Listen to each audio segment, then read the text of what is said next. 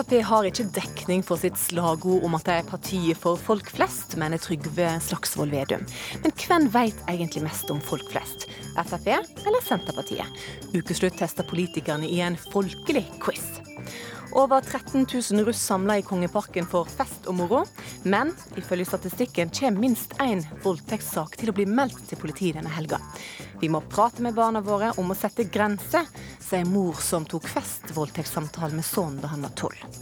Og kunst er noe jåleri som er med på å skape mindreverdighetskompleks hos mange, mener investor. Kunsten er alt. Vi hadde ikke vært noe uten, svarer Vebjørn Sand. Velkommen til ukeslutt her i NRK P1 og P2. Jeg heter Sara Victoria Rygg. Denne veka smilte en lattermild Trygve Slagsvold Vedum og en smørblid Per Sandberg mot oss fra Dagbladet. Men bak smila så var det litt amper stemning. For Senterpartilederen mener Frp ikke har dekning for sitt slagord om at de er partiet for folk flest. Frp på sin side de har folk i tankene når de akkurat nå er samla på landsmøte. Her i Ukeslutt skal vi straks finne ut hvem som vet mest om folk flest. Er det Frp eller er det Senterpartiet? Trygve Slagsvold Vedum han eh, er og jobber på gården sin og er med på direkten fra traktoren sin.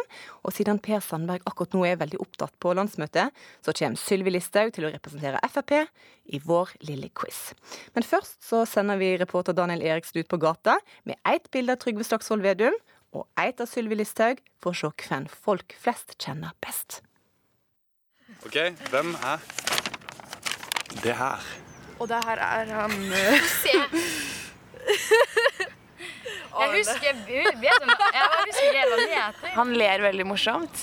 Eh, Barne-TV? Han pleier å gå med sånn, sånn pins her. Hvilken farge har den? Senterpartiet. Ja, jeg ser hvem det er. Jeg husker jo ikke navnet hans. da. Det er ikke deg, nei. Slagsvold Vedum. Trygve. Hvilket parti? Senterpartiet. Vet ikke hvem det er. Sylvi Listhaug.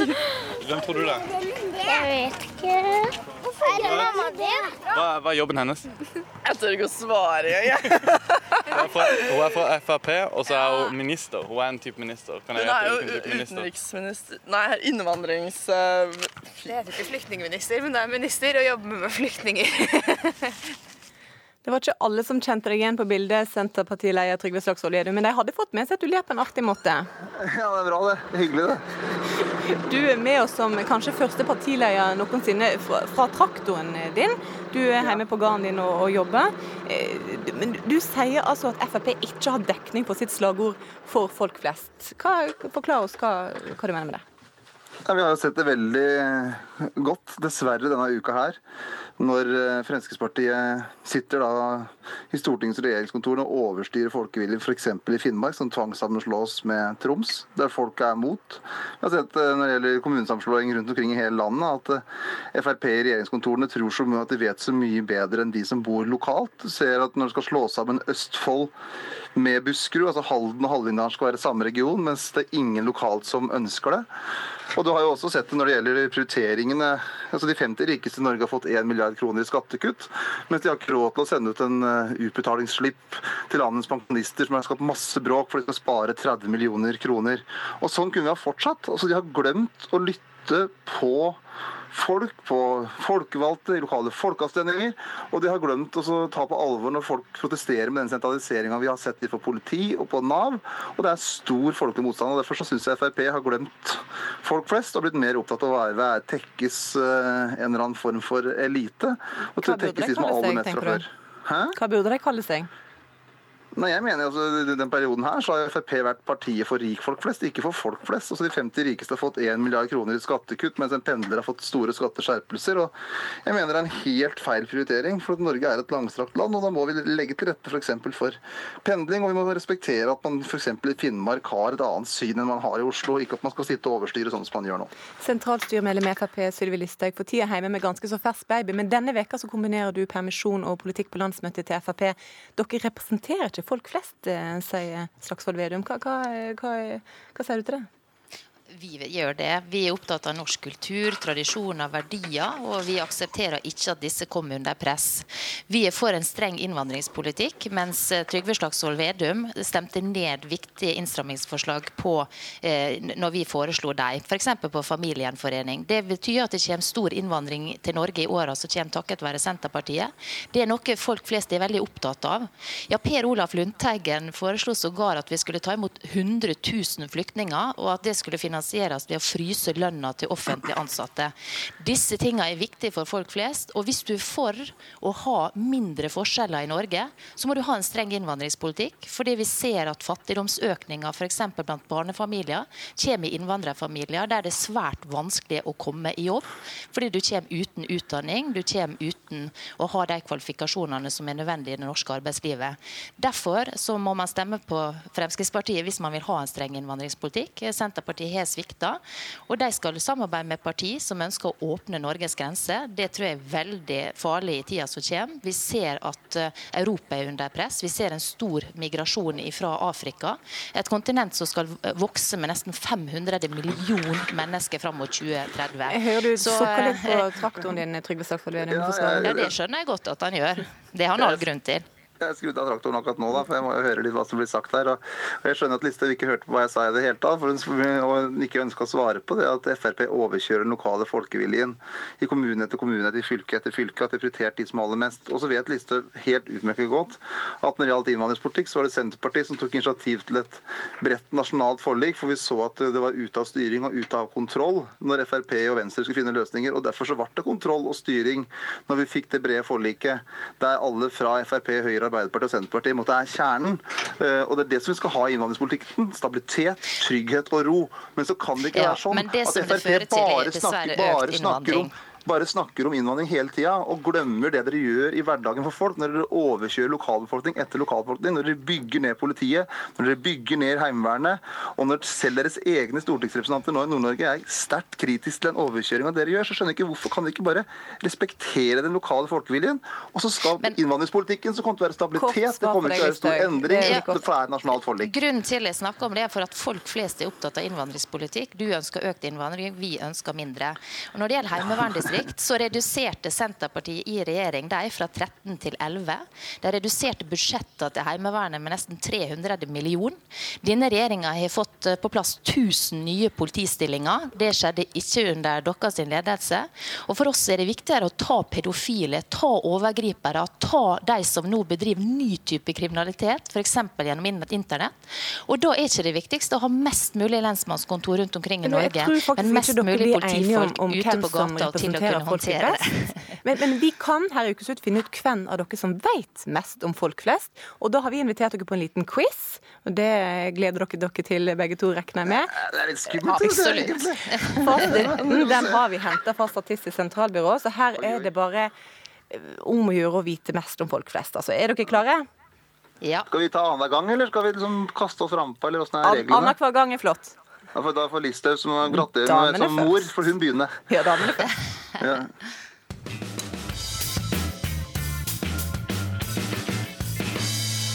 Sånn, da var det riktig quiz-humør. Spørsmål nummer én. Hva land i utlandet drar flest nordmenn på ferie til?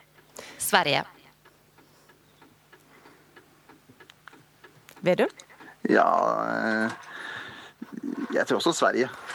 Da er altså svaret avgitt, og folk har fasiten. Det er Spania.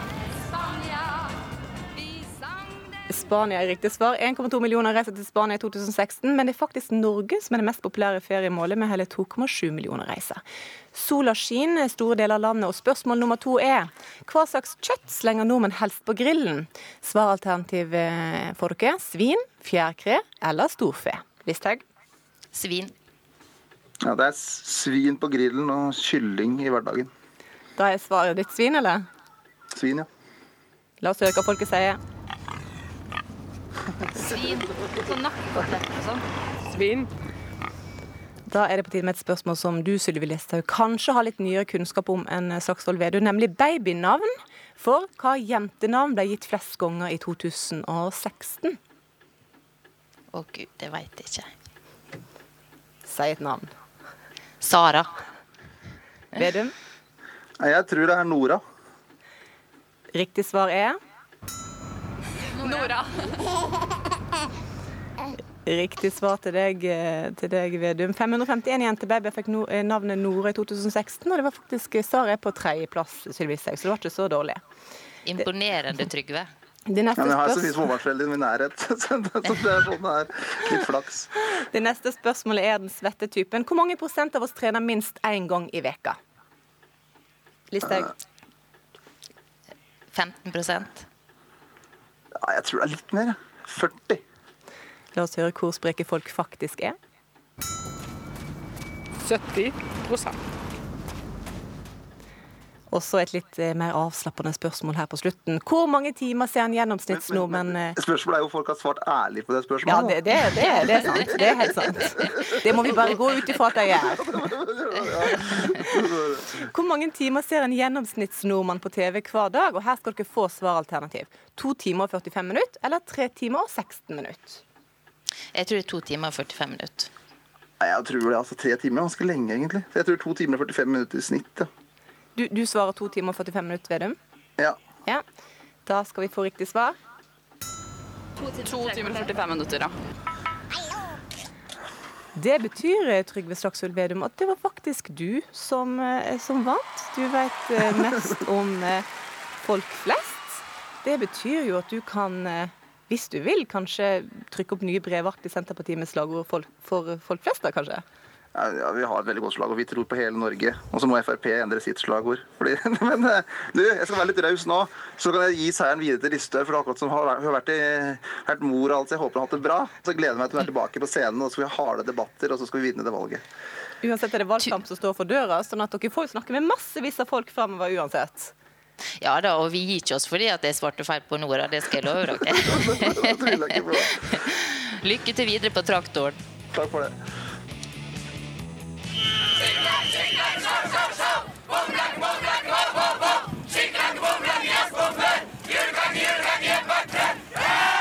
Vi skal bevege oss til Kongeparken og årets store fest, i alle fall for de som er kledd i rødt og blått. Over 13 000 russ er akkurat nå samla på landstreff i Kongeparken rett utenfor Stavanger. Og det er om lag 10% av alle førstegangsvelgerne i Norge. Og de vil jo alle ha tak i.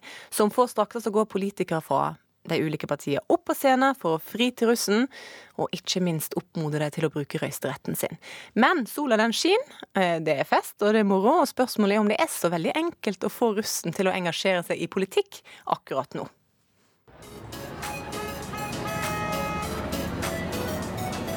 Hva gjorde dere i går? I går var jeg ute og rullet, ass. Hva skjer da? Eh, da er det klikk. Hva syns du om Trygve Slagsvold Vedum? Kommer han til å få det til i Senterpartiet, eller hva tenker du? Seriøst, vet jeg ikke hvem jeg er engang. Eh, Ellers i samfunnet, kommunesammenslåinger og sånn, hva syns dere om den? Nei, ikke med. Ah, at det skal bli større Oslo? Nei. Hva syns dere om uh, Theresa May? Uh, jeg har ikke hørt om uh, Theresa May. Nei, jeg kjenner ikke til det. Nei, nei, nei. nei. Det er ikke force nå. Ja, hva sa du? Hva sa du? Eh, årets kuleste deltaker i Paradise Hotel? Eh, Grunde, mann. Grunde. Han er lættis. Han er klasse. Han er klasse, ass. Politikk er ikke akkurat vorssnakk, Iselin Nybø, stortingspolitiker for Venstre. Hvordan i alle dager skal du få russen interessert i kommunereformen og helsepolitikk når du går opp på scenen om uh, straks? Ja, Det er jo ikke akkurat en liten utfordring. For eh, det er klart her skinner sola. og Det er fortsatt ganske tidlig hvis du er russ og har vært på fest i går. Og så, Hvis vi skal være helt ærlige, så er jeg litt usikker på om det er et godt tegn hvis en politisk debatt samler fullt hus på et russetreff. Det er noe med at eh, denne generasjonen perfeksjon. Det er noe med at når man er på russetreff, så skal man virkelig kose seg og slå seg litt løs òg. Og ikke være så seriøse at man Så vi får se. Vi får se. Vi får håpe nok. Vi håper noen dukker opp. Mina Finstad Berg fra SV, hvordan forbereder en seg egentlig til en, til en debatt når du vet at alle lytterne er 18 år? Det er ikke akkurat som å gå, dra til Dagsnytt 18 her i NRK eksempel, og diskutere. Nei, Det er jo å prøve å snakke om ting som angår hverdagen til ungdom. Og jeg tror ikke vi skal undervurdere liksom, dagens ungdom når det kommer til å bry seg om det som foregår rundt den. Så er det klart at det kan være vanskelig hvis eh, halve publikum egentlig er kleine og bare vil ha cola. Eh, Men jeg tror vi skal få en fin debatt, altså. For, for, å forberede dere litt, igjen, eh, Iselin eh, Nybø. Du, du, var russ i 2000. Spørsmålet er, Har du funnet fram den 17 år gamle russebuksa di for å skli litt mer inn i mengden? Altså For å være helt ærlig så er jeg ikke helt sikker på hvor jeg har han lenger. Dessuten så, så ser jeg jo nå at han har nok gått litt ut på moten. For det er klart det er ei selebukse som er ganske vide, i motsetning til dagens litt mer eh, tettsittende russedresser. Så jeg hadde nok skilt meg ut uansett. Mina Finstad Berg, det, det, er viktig å få ungdommen engasjert, og det er mange som er engasjert. Hva, hva er det viktigste saker for deg å diskutere på, på denne her debatten i dag? Jeg har én ting jeg har veldig lyst til å ta opp man først er på et russetreff, og det er rett og slett kamp mot voldtekt. Fordi man vet at det er et stort samfunnsproblem. Og dessverre så er det ganske stor sannsynlighet for at noen av årets russ kommer til å sitte igjen med alt annet enn gode minner fra russetida. Uh, og jeg er så lei av at man bruker så mye tid på å snakke om hva jenter skal gjøre for å unngå å bli voldtatt. Så nå må vi begynne å snakke om hva samfunnet gjør for å forebygge voldtekt. Så en av tingene jeg har lyst til å ta opp, er nettopp det med Eh, seksualundervisning, en seksualundervisning som begynner tidligere og har mer fokus på grensesetting og ikke bare kjønnssykdommer og graviditet. Og at man snakker med barn og ungdom om at det er ikke sex hvis den andre sover eller er for full til å si ja, da er det faktisk voldtekt. Og det er akkurat det vi skal prate om videre her i Ukeslutt. For selv om russen eh, får skryt etter festen i går, ifølge politiet så har vært nesten eksemplarisk, så blir det gjennomsnitt meldt én voldtektssak til politiet etter hvert eneste russetreff i Kongeparken.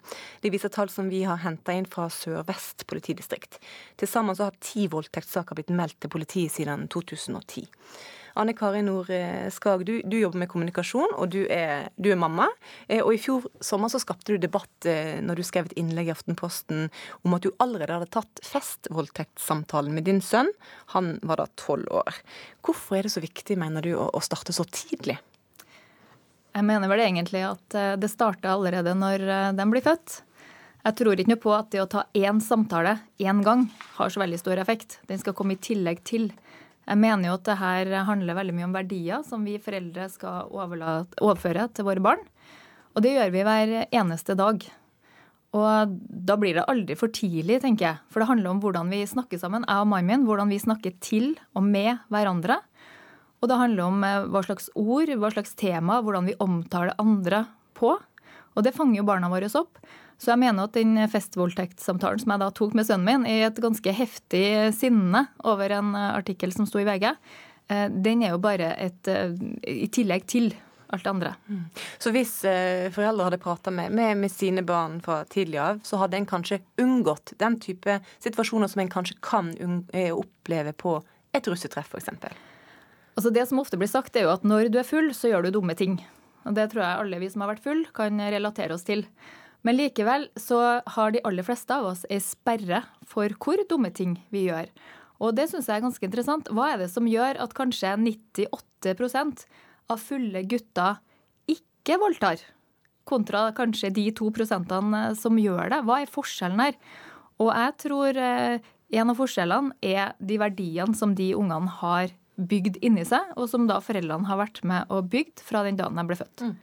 Komiker og pappa Thomas Leikvoll, du har skrevet et avisinnlegg om såkalt sånn gråsonesex. Eh, og du er opptatt av at vi ikke må likestille det eh, til dømes å bli brutalt voldtatt på gata med det som du kaller et uheldig valg på nachspiel. Forklar oss hva du mener med det. Um, nei, altså jeg, jeg, er jo helt enig med alt som blir sagt uh, så langt. Så jeg vil ikke være noen representant for at ikke gutta skal uh, ta voksne valg, enten de er edru eller uh, fulle. Men det jeg reagerte på i den kronikken jeg skrev, er jo det at jeg syns gjerne den debatten om hva som er et overgrep, blir litt utvanna fordi at man kaller så mye for et overgrep. og hvis man ikke differensierer mellom de ulike tingene, så, så, eh, så eh, risikerer man at uh, uskyldige går, blir dømt, og skyldige går fri, f.eks. Uh, så det, det, er, det helt åpenbart mange som burde ha en ryggmargsrefleks som ikke har det, spesielt av hovedsakelig gutter. Men så er det også av og til er et overgrep, men noen ganger så gjør man også dumme valg, og da gjør man de dumme valgene i fellesskap. Så jeg er veldig opptatt av at man skal snakke sammen om det, både gutter og jenter. At ikke man har et kvinneforum hvor man sitter og diskuterer hva som er et overgrep, uten at guttene får være med og lære av det, og de bidrar på det. Men Du sier du har opplevd en situasjon som kanskje noen vil se på som et, som et eh, overgrep, andre som bare fyller sex. Skal forklare oss. Eh, Jeg er ganske sikker på at det ikke var et overgrep, ja. Men, men, eh, men som sagt man gjør dumme ting i fylla, og det har også jeg gjort. Og jeg har også opplevd det som, som veldig mange opplever hver eneste helg. Man trenger ikke være russ. Godt voksne mennesker opplever det at man har vært på en fest og man har drukket for mye, og begge parter har drukket for mye, og det som var en flørt og klining og sånt nå på et eller annet tidspunkt endt opp i en seng, og så våkner man dagen etterpå, så er man ikke helt sikker på hvordan forløpet opp til den sengedelen var. Eh, men eh, det eh, Og det skjer jo veldig mange av oss, og da er det dumt hvis man våkner opp som gutt og er livredd for vet du hva, Hvis hun nå sier at det her var et overgrep, så er det ingen tvil om hvem som var overgriperen, for det vil være meg. Til tross for at vi var syndere i samme spill, da, hvis du skal si det på den måten. ikke sant? Vi var begge fulle og hadde begge lyst til noe, og så tok vi et dumt valg, egentlig, for i utgangspunktet skal man ikke ha sex hvis man er full. Men Er ikke det litt sånn naivt å tenke at unge, og for så vidt voksne, ikke gjør dumme ting av og til når de eh, har drukket litt for mye? Jo, vi gjør jo dumme ting, men vi må jo også stå til ansvar for det. Og det er jo litt av poenget. Altså, du kan godt drikke deg full, og til og med ikke huske det etterpå at du setter deg inn i en bil, og så kjører du ned, og så dreper du en treåring. Eh, Men du slipper jo ikke unna med det bare for at du sier at 'oi, jeg var full, jeg husker det ikke'. Eh, Men med det sagt så er jeg jo helt enig i det som blir sagt her, at det er kjempeviktig at vi setter oss ned sammen, jenter og gutter, sammen, og diskuterer når er det et overgrep, og når er det ikke et overgrep. Og personlig så ble jeg ganske opprørt i fjor. Eh, Da skolen til sønnen min kunne fortelle meg at de skulle da ha seksualundervisning i klassen. eh, Og det skulle deles inn på kjønn. Jentene skulle sitte for seg, og guttene for seg. Og det syns jeg er bare helt bak mål. For da, da får ikke du den felles forståelsen da, for hva som er f.eks. et overgrep og ikke. Men du sier at hvis vi prater nok med barna våre fra, fra tidlig av, så vil en ha en, en sperre inni seg der, den stopp, der det stopper hvis f.eks. en er for full på russetreff. Så stopper det opp. Jeg Jeg går ikke videre. Jeg tror for veldig mange så gjør det det. Du har alltid noe unntak. Det har du alltid.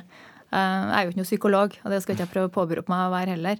Men jeg, eh, har tenkt mye på det ettersom jeg sjøl fikk barn. Det er en grunn til at jeg og venninnene mine, selv om vi var fulle, aldri kledde oss for eksempel, og sprang gjennom fontenen.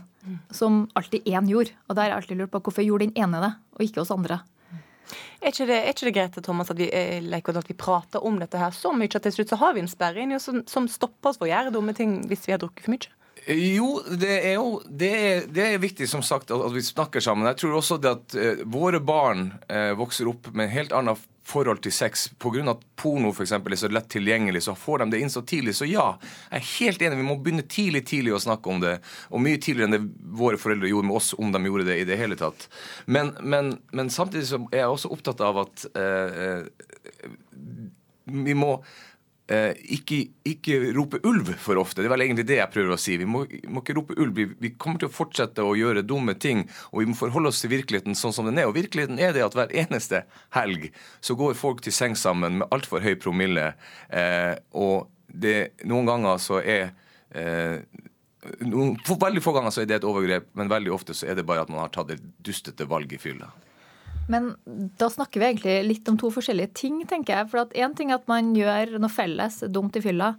Eh, og det er jo kjedelig nok i seg sjøl. Å ha sånn fylleangst når du våkner dagen etterpå er jo ikke særlig artig for noen av partene. Nei. Men så har du jo alle de andre tilfellene da, hvor eh, jenta virkelig føler at her har det vært et overgrep. Hun kanskje husker at hun avviste denne gutten tidligere på kvelden. Hun husker at hun var veldig veldig eh, trøtt og sliten. Og kanskje venninnene kunne ha sagt etterpå at ja, nei, vi gikk og la deg ned for at du var så full. Og så våkna hun kanskje midt i at han holder på å ha seg med henne. Mm. Altså, og da liksom Ja, så kan han si etterpå Nei, jeg huska ikke. Eller ja, nei, men hun smila jo. Og nei, hun sa ikke nei. Og det er jo i de tilfellene jeg tenker at vi må bli enda tydeligere. Og jeg satt og så på en psykolog i går som fortalte at, som da behandler overgrepsoffer. Og hun sier f.eks. at en del jenter faktisk har ikke språk for å si nei tydelig. De har ikke lært det hjemmefra. Å si nei tydelig, både med ord og med kroppsspråk, for det henger på. Mm. Men igjen, nå føler jeg at jeg velter ansvaret over på jentene, og det har ikke jeg så veldig lyst til å gjøre. For det handler også om at vi må lære guttene våre at nei er et nei. Og i den samme rapportasjen så kom det også fram da, at eh, guttene tar det for gitt at jentene sier nei, så er det bare en del av spillet for å være kostbar. Og Da tenker jeg, da har vi virkelig ødelagt språket som et av verktøy for å faktisk kunne klare å motvirke eh, denne type overgrep. Hører vi fremdeles har mye å snakke om med, med, med, med barn, og for så vidt vi voksne kan tenke oss om òg.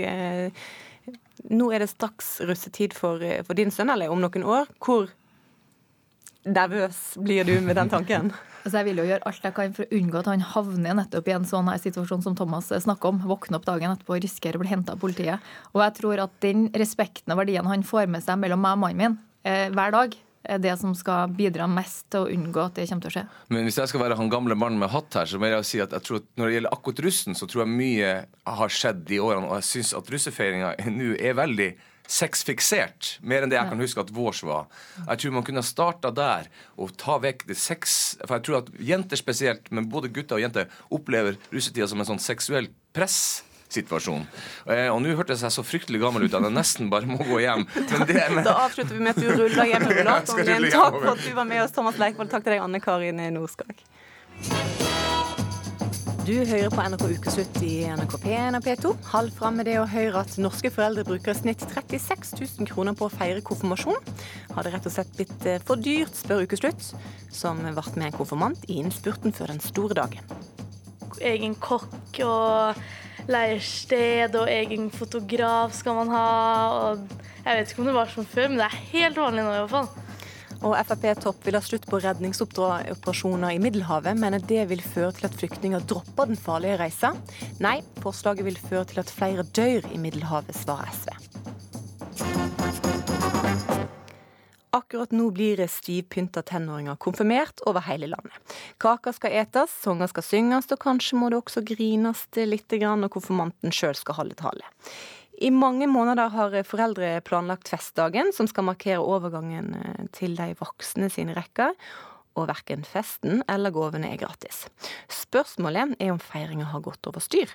Ukeslutt sin reporter Sigurd Øygarden Fleten ble med da de siste detaljene før den store dagen falt på plass. Elling, gleder du deg til fest? Ja. Vet du hva slags fest det er, egentlig? Mm, Konfirmasjonsfest. Ja. Vi er hjemme hos Lisa Wennersberg på 14 og familien hennes på Kongsberg. Lisa skal konfirmeres, festen er på lørdag, og nå handler det meste i huset om det. Besteforeldre fra Nord-Norge er på plass. Stua er fylt av damp fra bunadsskjortestryking. Og på kjøkkenet har Lisa og mamma Sara begynt på én av fire kaker. Nå begynner jeg altså å få sånn konfirmasjons... Eh, hva skal man kalle det? Følelse. Litt nerver, faktisk. Altså når vi har planlagt og brukt så mye penger på det, og hvis hele dagen bare blir Hvis ingenting går bra, da Men jeg vet ikke hva som kan gå galt. Denne helgen, over hele landet, skal det tørkes tårer, det skal synges sanger med nødrim, og det skal holdes et ukjent antall minutter med taler. Og konfirmanter skal få penger. Mye penger. Ifølge en undersøkelse gjort av TNS Gallup for Nordea i fjor, fikk ungdom i snitt gaver til en verdi av 11 100 kroner av foreldrene sine. Men gaver er jo bare én ting. Egen kokk og leirsted og egen fotograf skal man ha. Og jeg vet ikke om det var som før, men det er helt vanlig nå i hvert fall. Å ha egne servitører og sånn. Har dere det? Vi har egne servitører og folk som skal lage mat til oss. Og, og så har dere en egen bunadsskjortestryker der borte, ser jeg. Bestemor. ja da.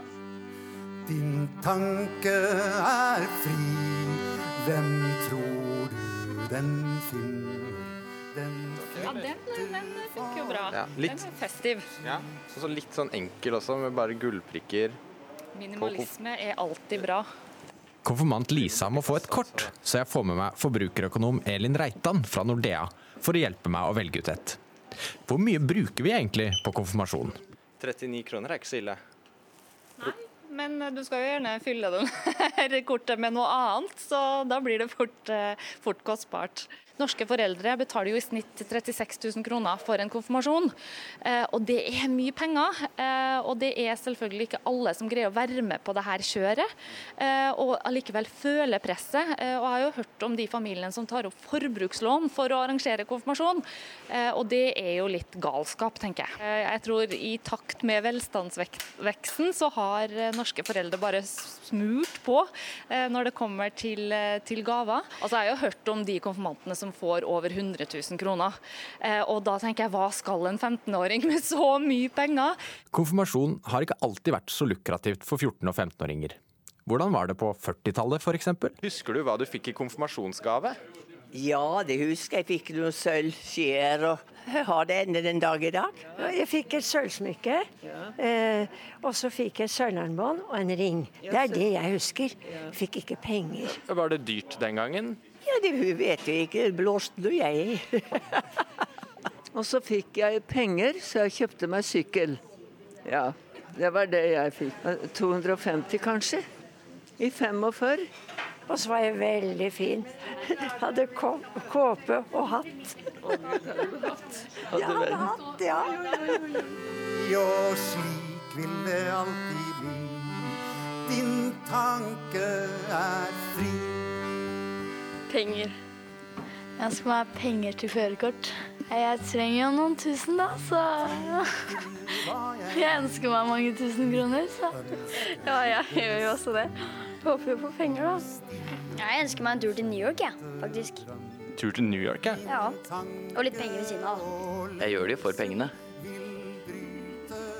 Det er derfor jeg konfirmerer meg. Og slik vil det alltid.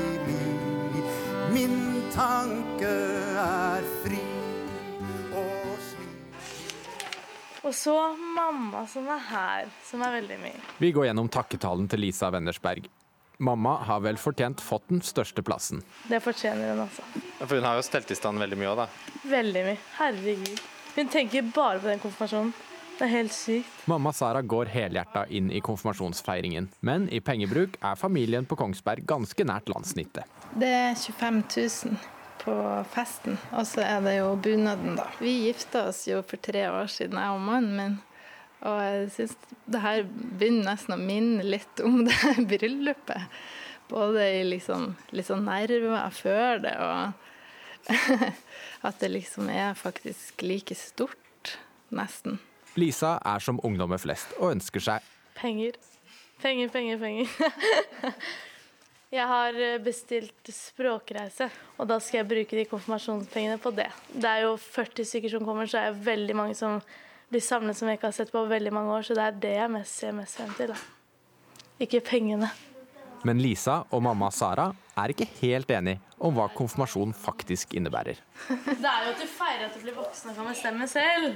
Det feirer at vi har en fjortis. Det gjør vi. Mamma. ja.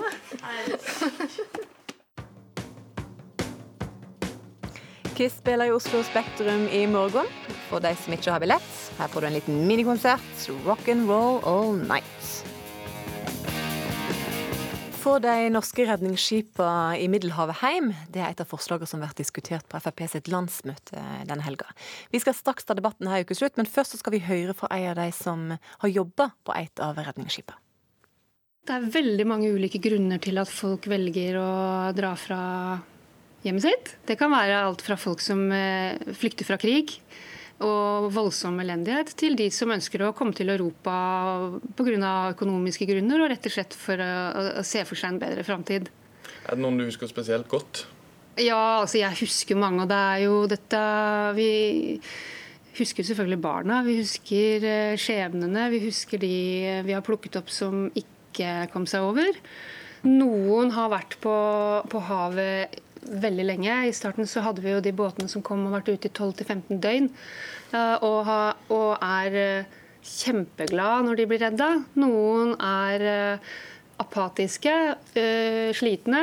Noen stiller krav til oss og syns at maten vår er for dårlig. Så det er veldig stor forskjell. Hvis det ligger båter som er klare til å krysse Middelhavet, og de vet at det er noen som kanskje redder dem, vil ikke det føre til at flere prøver seg? Vi ligger altså ikke som et Frontex-skip utenfor kysten av Libya og tar imot eh, migranter rett fra kysten. Vi ligger ca. 100 nautiske mil nord for kysten, så når vi får et oppdrag via italiensk redningssentral, så tar det oss ganske mange timer før vi er der nede. Hvis det er der redningsoppdraget er. Dette er jo en en eh, kjempestor utfordring og en voldsom politisk debatt. Hvordan skal vi løse dette her? Men vi er nå i hvert fall der, og vi gjør noen ting. Det var reporter Daniel Eriksen som hadde pratet med tidligere styrkesjef på det norske skipet Siem Pilot, Lisa Dunham. Norske redningsskip har redda om lag 60 000 mennesker fra å drukne i Middelhavet de siste åra.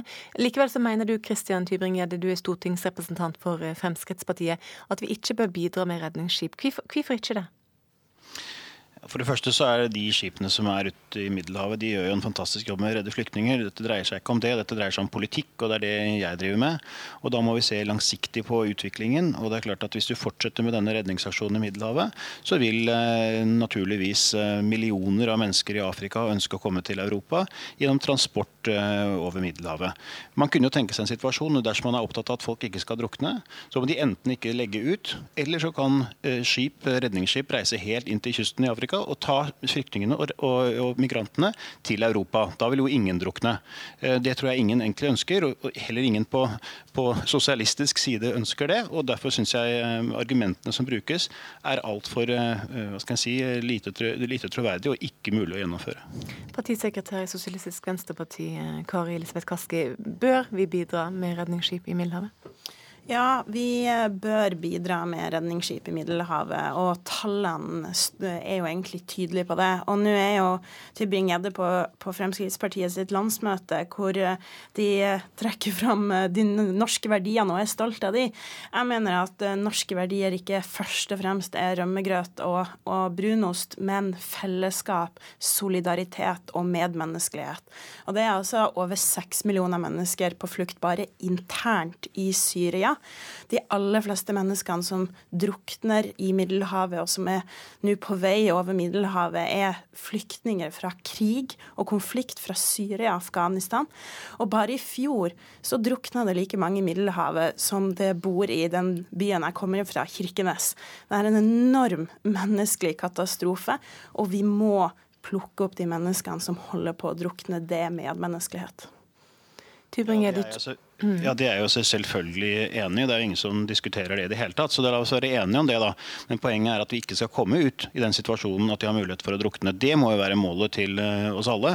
Og så er det feil som Kaski sier. Det er altså ikke stort sett flyktninger. I fjor så kom det 180 000 migranter til Europa, og kun 1500 fikk innvilget flyktningstatus. Så det er, ikke, det er ikke som Kaski sier. Det høres veldig dramatisk når, når Kaski uttaler seg, men så snakker han om de norske, norske verdiene. Jeg mener at det er mange andre norske verdier som er vel så viktige som de som nevnes av Kaski. F.eks. du kan snakke om likestilling, likeverd, ytringsfrihet osv. Det er også norske verdier. Men hver gang det kommer i en sak som dette, så er det solidaritet som er eh, verdiene som eh, SV eh, fremholder. Jeg syns det er en bedre solidaritet å hjelpe flere mennesker i nærområdene enn å ta de tusen menneskene som eventuelt flykter fra å reise fra, fra Afrika, som selvfølgelig er de relativt ressurssterke fordi at de har noe å selge, slik at menneskesmuglere kynisk kan ta de over i, i synkeferdige båter, som da blir plukket opp av europeiske fiskeskip og brakt til Europa. Hvorfor det er veldig fristende, selvsagt. Hvorfor fremmer du ikke forslag om det da til landsmøtet ditt? Du må huske på at du er nå stortingsrepresentant for et parti som sitter i, i, regjering. Og med det så kommer det et ganske stort ansvar. Med det her så kommer det et signal om at vi ikke skal hjelpe de menneskene som, som nå eh, både er på flukt fra krig, og det er ikke sant at det ikke er fra Syria og Afghanistan. De aller fleste folkene som reiser over Middelhavet, er fra Syria og Afghanistan. Dette er krigsherja land. De, har, de, er desperate mennesker. Og det, det tror jeg man må faktisk sette seg litt inn i den situasjonen. Altså, når du velger å reise over Middelhavet med den risikoen det innebærer, det er 5000 som drukna der i fjor. Du reiser over gravide kvinner, folk med barn. Du vet en kjempestor risiko. Det er en så stor desperasjon. Selvsagt må vi da fremme også forslag, diskutere seriøst hvordan vi kan forhindre at mennesker er nødt til å legge ut på en reise her. Men du starter jo ikke debatten der. Du starter debatten med at vi ikke skal ha redningsskip. Og da overlater du ansvaret til de båtene som har sett det i Middelhavet. Mange norske eh, sjømenn og sjøkvinner som er på i Middelhavet, og som har gjort en utrolig stor innsats for å redde de her menneskene. Eh, vi må starte debatten seriøst om hvordan vi kan sikre både fred i den regionen, sånn at færre er nødt til å legge ut på den reisa, og hvordan vi kan hjelpe dem der de er. Men det er jo ikke det du vil. Her, her, var det mye eh, rart. altså. For det første, De som kommer i reise Middelhavet, jeg ønsker at de ikke skal legge ut, slik at de ikke er mennesker å redde. Du trenger ikke å plukke opp fly for, Men hvilke migranter. forslag har du for det, da? Hvilke forslag, har forslag, for det? Vi har, har forslag vi har hatt i åtte år, at vi skal opprette asylmottak i, i, Afrika. Vi har foreslått at det skal være i Uganda og Tanzania, og bruke penger på asylmottak der. De som er flyktninger og de som er asylanter og som trenger beskyttelse, de skal selvsagt bringes til, eh, til Europa for, for å få beskyttelse i Europa. Men det er slik at økonomiske migranter skal ikke tas for, for det, er, det kan være hundrevis av millioner. Og når befolkningsveksten i Afrika skal firedobles innen 2100, befolkningen i Nigeria skal gå til 108 millioner til 400 millioner i 2050, og Nigeria er et område på Texas, og de skal ha flere mennesker enn hele USA. Det er klart at det vil være Nei, men La meg snakke ferdig. La meg snakke ferdig. fordi over Middelhavet, eller de menneskene som reiser over Middelhavet. Det er klart det er en invitasjon hvis du vet at du blir plukket opp. Først så du et, eh, du deg, eh, betaler du deg til en kynisk menneskesmugler. Eh, og Så tar du deg opp i en falleferdig båt, og så kjøres du ut. og Så vet du at det er skip ute i Middelhavet som da vil plukke opp forhåpentligvis plukke opp Og jo flere slip, og flere vil plukket opp. Poenget må jo være at man ikke reiser ut. og Hvis signalet er til de som ønsker å reise ut, migranter, økonomiske migranter, at det vil ikke være noen der, det er ikke noe vits å kvitte deg med, og vi hjelper i nærområdene, da får du det vi ønsker, nemlig ingen drukninger og mer hjelp til de som trenger det. Og pengene strekker mye lenger enn å ta noen tusen til Europa. Men sant, Du snakker mot bedre vitende. Det er 10-30 norske handelsfartøy i det området til enhver tid.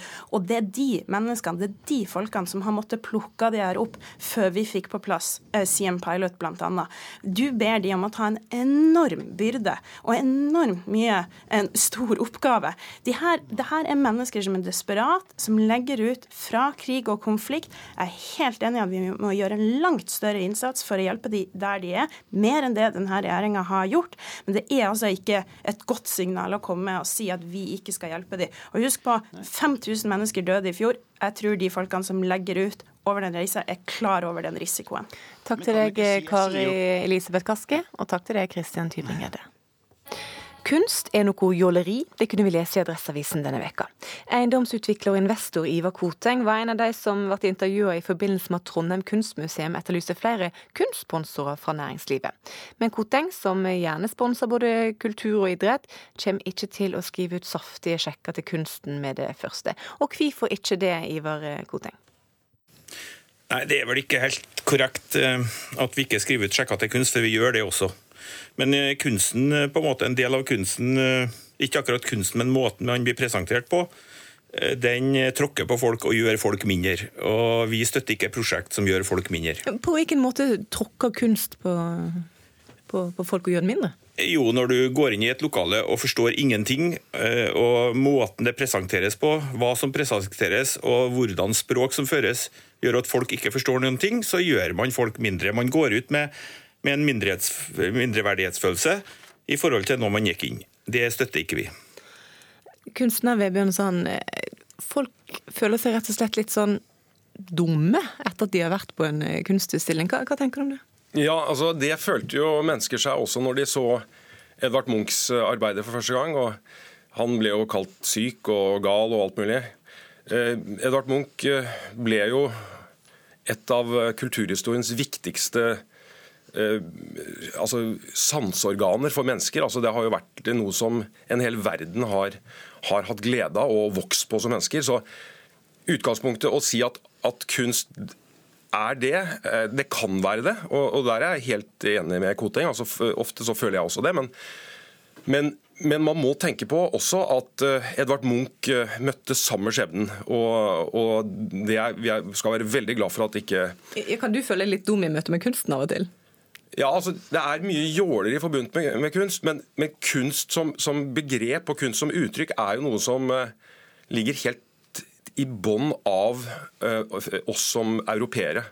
Altså hvordan kunsten i, i, i, en dialog med filosofien og det som ble et, måte, utgangspunktet for, for, forskning og vitenskap fra grekerne og via renessansen, den dialogen de hadde, det har jo blitt at vi har, har, har blitt de frie, moderne menneskene vi har blitt.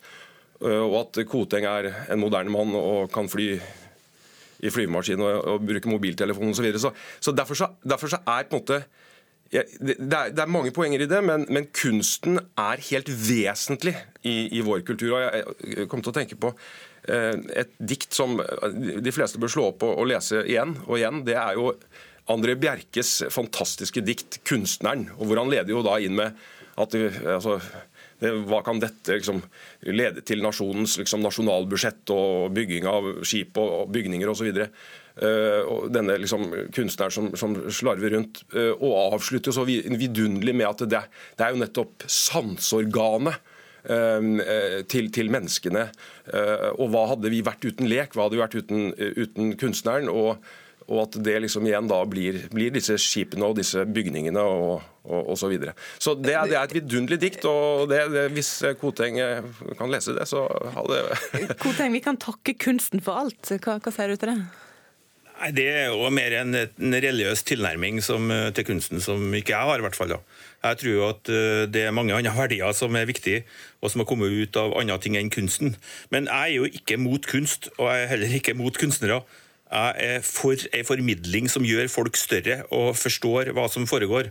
Eh, og så kan man jo si at Selv om Munch opplevde det samme, så kan man jo også utvikle seg i formidling. Eh, kunst må jo først og fremst være en annen form for kommunikasjon og formidling. Og da syns jeg jo at man kan stille krav om at formidlinga også utvikler seg. Ja, nei, jeg, jeg, er helt, helt, enig i det. Altså, det er klart at det må være eh, Det må kommunisere, og, det, og det må, kunsten skal, skal, jo være en kraft som menneskene skal vokse på. Men, men jeg er uenig når de sier at, at det med religiøs tilnærming til kunst og at ikke det ligger i bånn for alt. fordi hvis du kjenner til den greske, eh, altså greske underet og, og, gullalderen som liksom gjennom renessansen fødte også moderne mennesker. Altså Det var jo nettopp møtet med den greske kunsten og vitenskapen og filosofien som, som jo skapte eh, renessansehumanismens liksom, eksplosjon av å åpne for det frie mennesket, det hele mennesket, og det skapende mennesket. Og det mennesket er deg, Koteng. Derfor så, må du, derfor så må du sette deg inn i den historien. Hvis ikke du har gjort det, og hvis du har noen andre tanker rundt det, så er jeg spent, spent på å høre på det. Men det er helt vesentlig for oss som frie europeere eh, i dag. Ja, det kan godt hende du har rett i det, men jeg tror som sagt at det er andre verdier. og Filosofene har vel også en viss betydning, og ikke bare kunstnerne. Eh, og Vi har jo hatt en utvikling etterpå med mange påvirkninger. Eh, så jeg tror jo at det er flere faktorer enn kunst som gir et rikt liv. Eh, og, men jeg som sagt, er ikke imot kunst. Jeg er for kunst, men jeg er mot den, det åndssnobberiet som finnes i en del formidling. Og Da vil du heller sponse andre deler, for å, for å gi flere kanskje glede. og Hvilken, hvilken del av samfunnet ønsker du å sponse? Nei, Vi sponser veldig mye rart. Vi sponser også ganske mye kunst. Vi er bl.a. med å, å, kjøpe hjem ei, ei samling til Trondheim nå. Eh, og som vi skal gi til Sverresborg. Vi eh, sponser barnehjem i Afrika, vi sponser idrettsarrangement, vi sponser konserter. Vi sponser faktisk unge kunstnere. Så vi sponser veldig mye. Ingen, ingen det er enestående. Eh, men, men, husk også at det, altså, i sin tid så ble også Edvard Munch eh, fordømt med de ordene du innledet med. Så, så det, man, man, skal kanskje gi noe også litt mer tid. Men Webensand, kan, kan, du og dine kunstnerkollegaer være med på å gjøre kunst litt mer tilgjengelig for folk, sånn at ja, verken Koteng eller du til tider av og til føler dere litt altså, dumme i møte med kunsten? Eh, jeg jo, er jo en klassisk orientert billedkunstner. Og det som på en måte skjedde med modernismen, som kom jo for litt over 100 år siden, var jo et brudd med tradisjonen. Og brudd med nettopp det kommuniserende og, og, og disse verdiene jeg er innrettet ved. Men eh, jeg, jeg, der ser jeg helt klart, og jeg har bodd i New York i 17 år, og det er jo noen gallerier som er så fine at du nesten må hete Sofia Loren for å gå inn. Eh, og, hvor, for, for, kunsten skal jo være, nettopp være inkluderende. Den skal være gi menneskene immunforsvar og, og, rett og slett gi, gi mennesker energi og, vekstvilkår. altså, for, for, for, for at vi skal bli hele mennesker.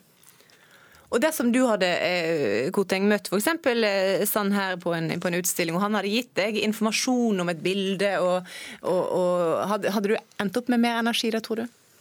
Det kan jeg nok sikkert. Det, eh, altså det er jo ikke sånn at på noen måte vi Jeg går jo på flere eh, gallerier enn jeg går på klesbutikker. Så det er, jo, det er, jo, klart at eh, vi gjør det jo og liker jo kunst, og det er jo derfor jeg er litt engasjert i det òg. Mm. Og da skjønner ikke jeg hvorfor en sånn åndselite skal fremmedgjøre kunst. Men hjertelig velkommen ned på Tjuvholmen. Jeg har en utstilling der frem til 21. mai, og jeg har kontinuerlige grupper, skoleklasser osv. som jeg da eh, har omvisninger og forteller da om kunst og kultur. Da får du kanskje besøk. Ja, Hjertelig velkommen. Du får kose deg på utstilling med Vebjørn Sand som guide. Ivar Koteng, takk for at dere var med i Ukeslutt. Ukeslutt er over for i dag. Ansvarlig for sendinga var Jaran Ree Mikkelsen. Lisbeth Sellereite styrte teknikken, og jeg heter Sara Victoria Rygg. God helg!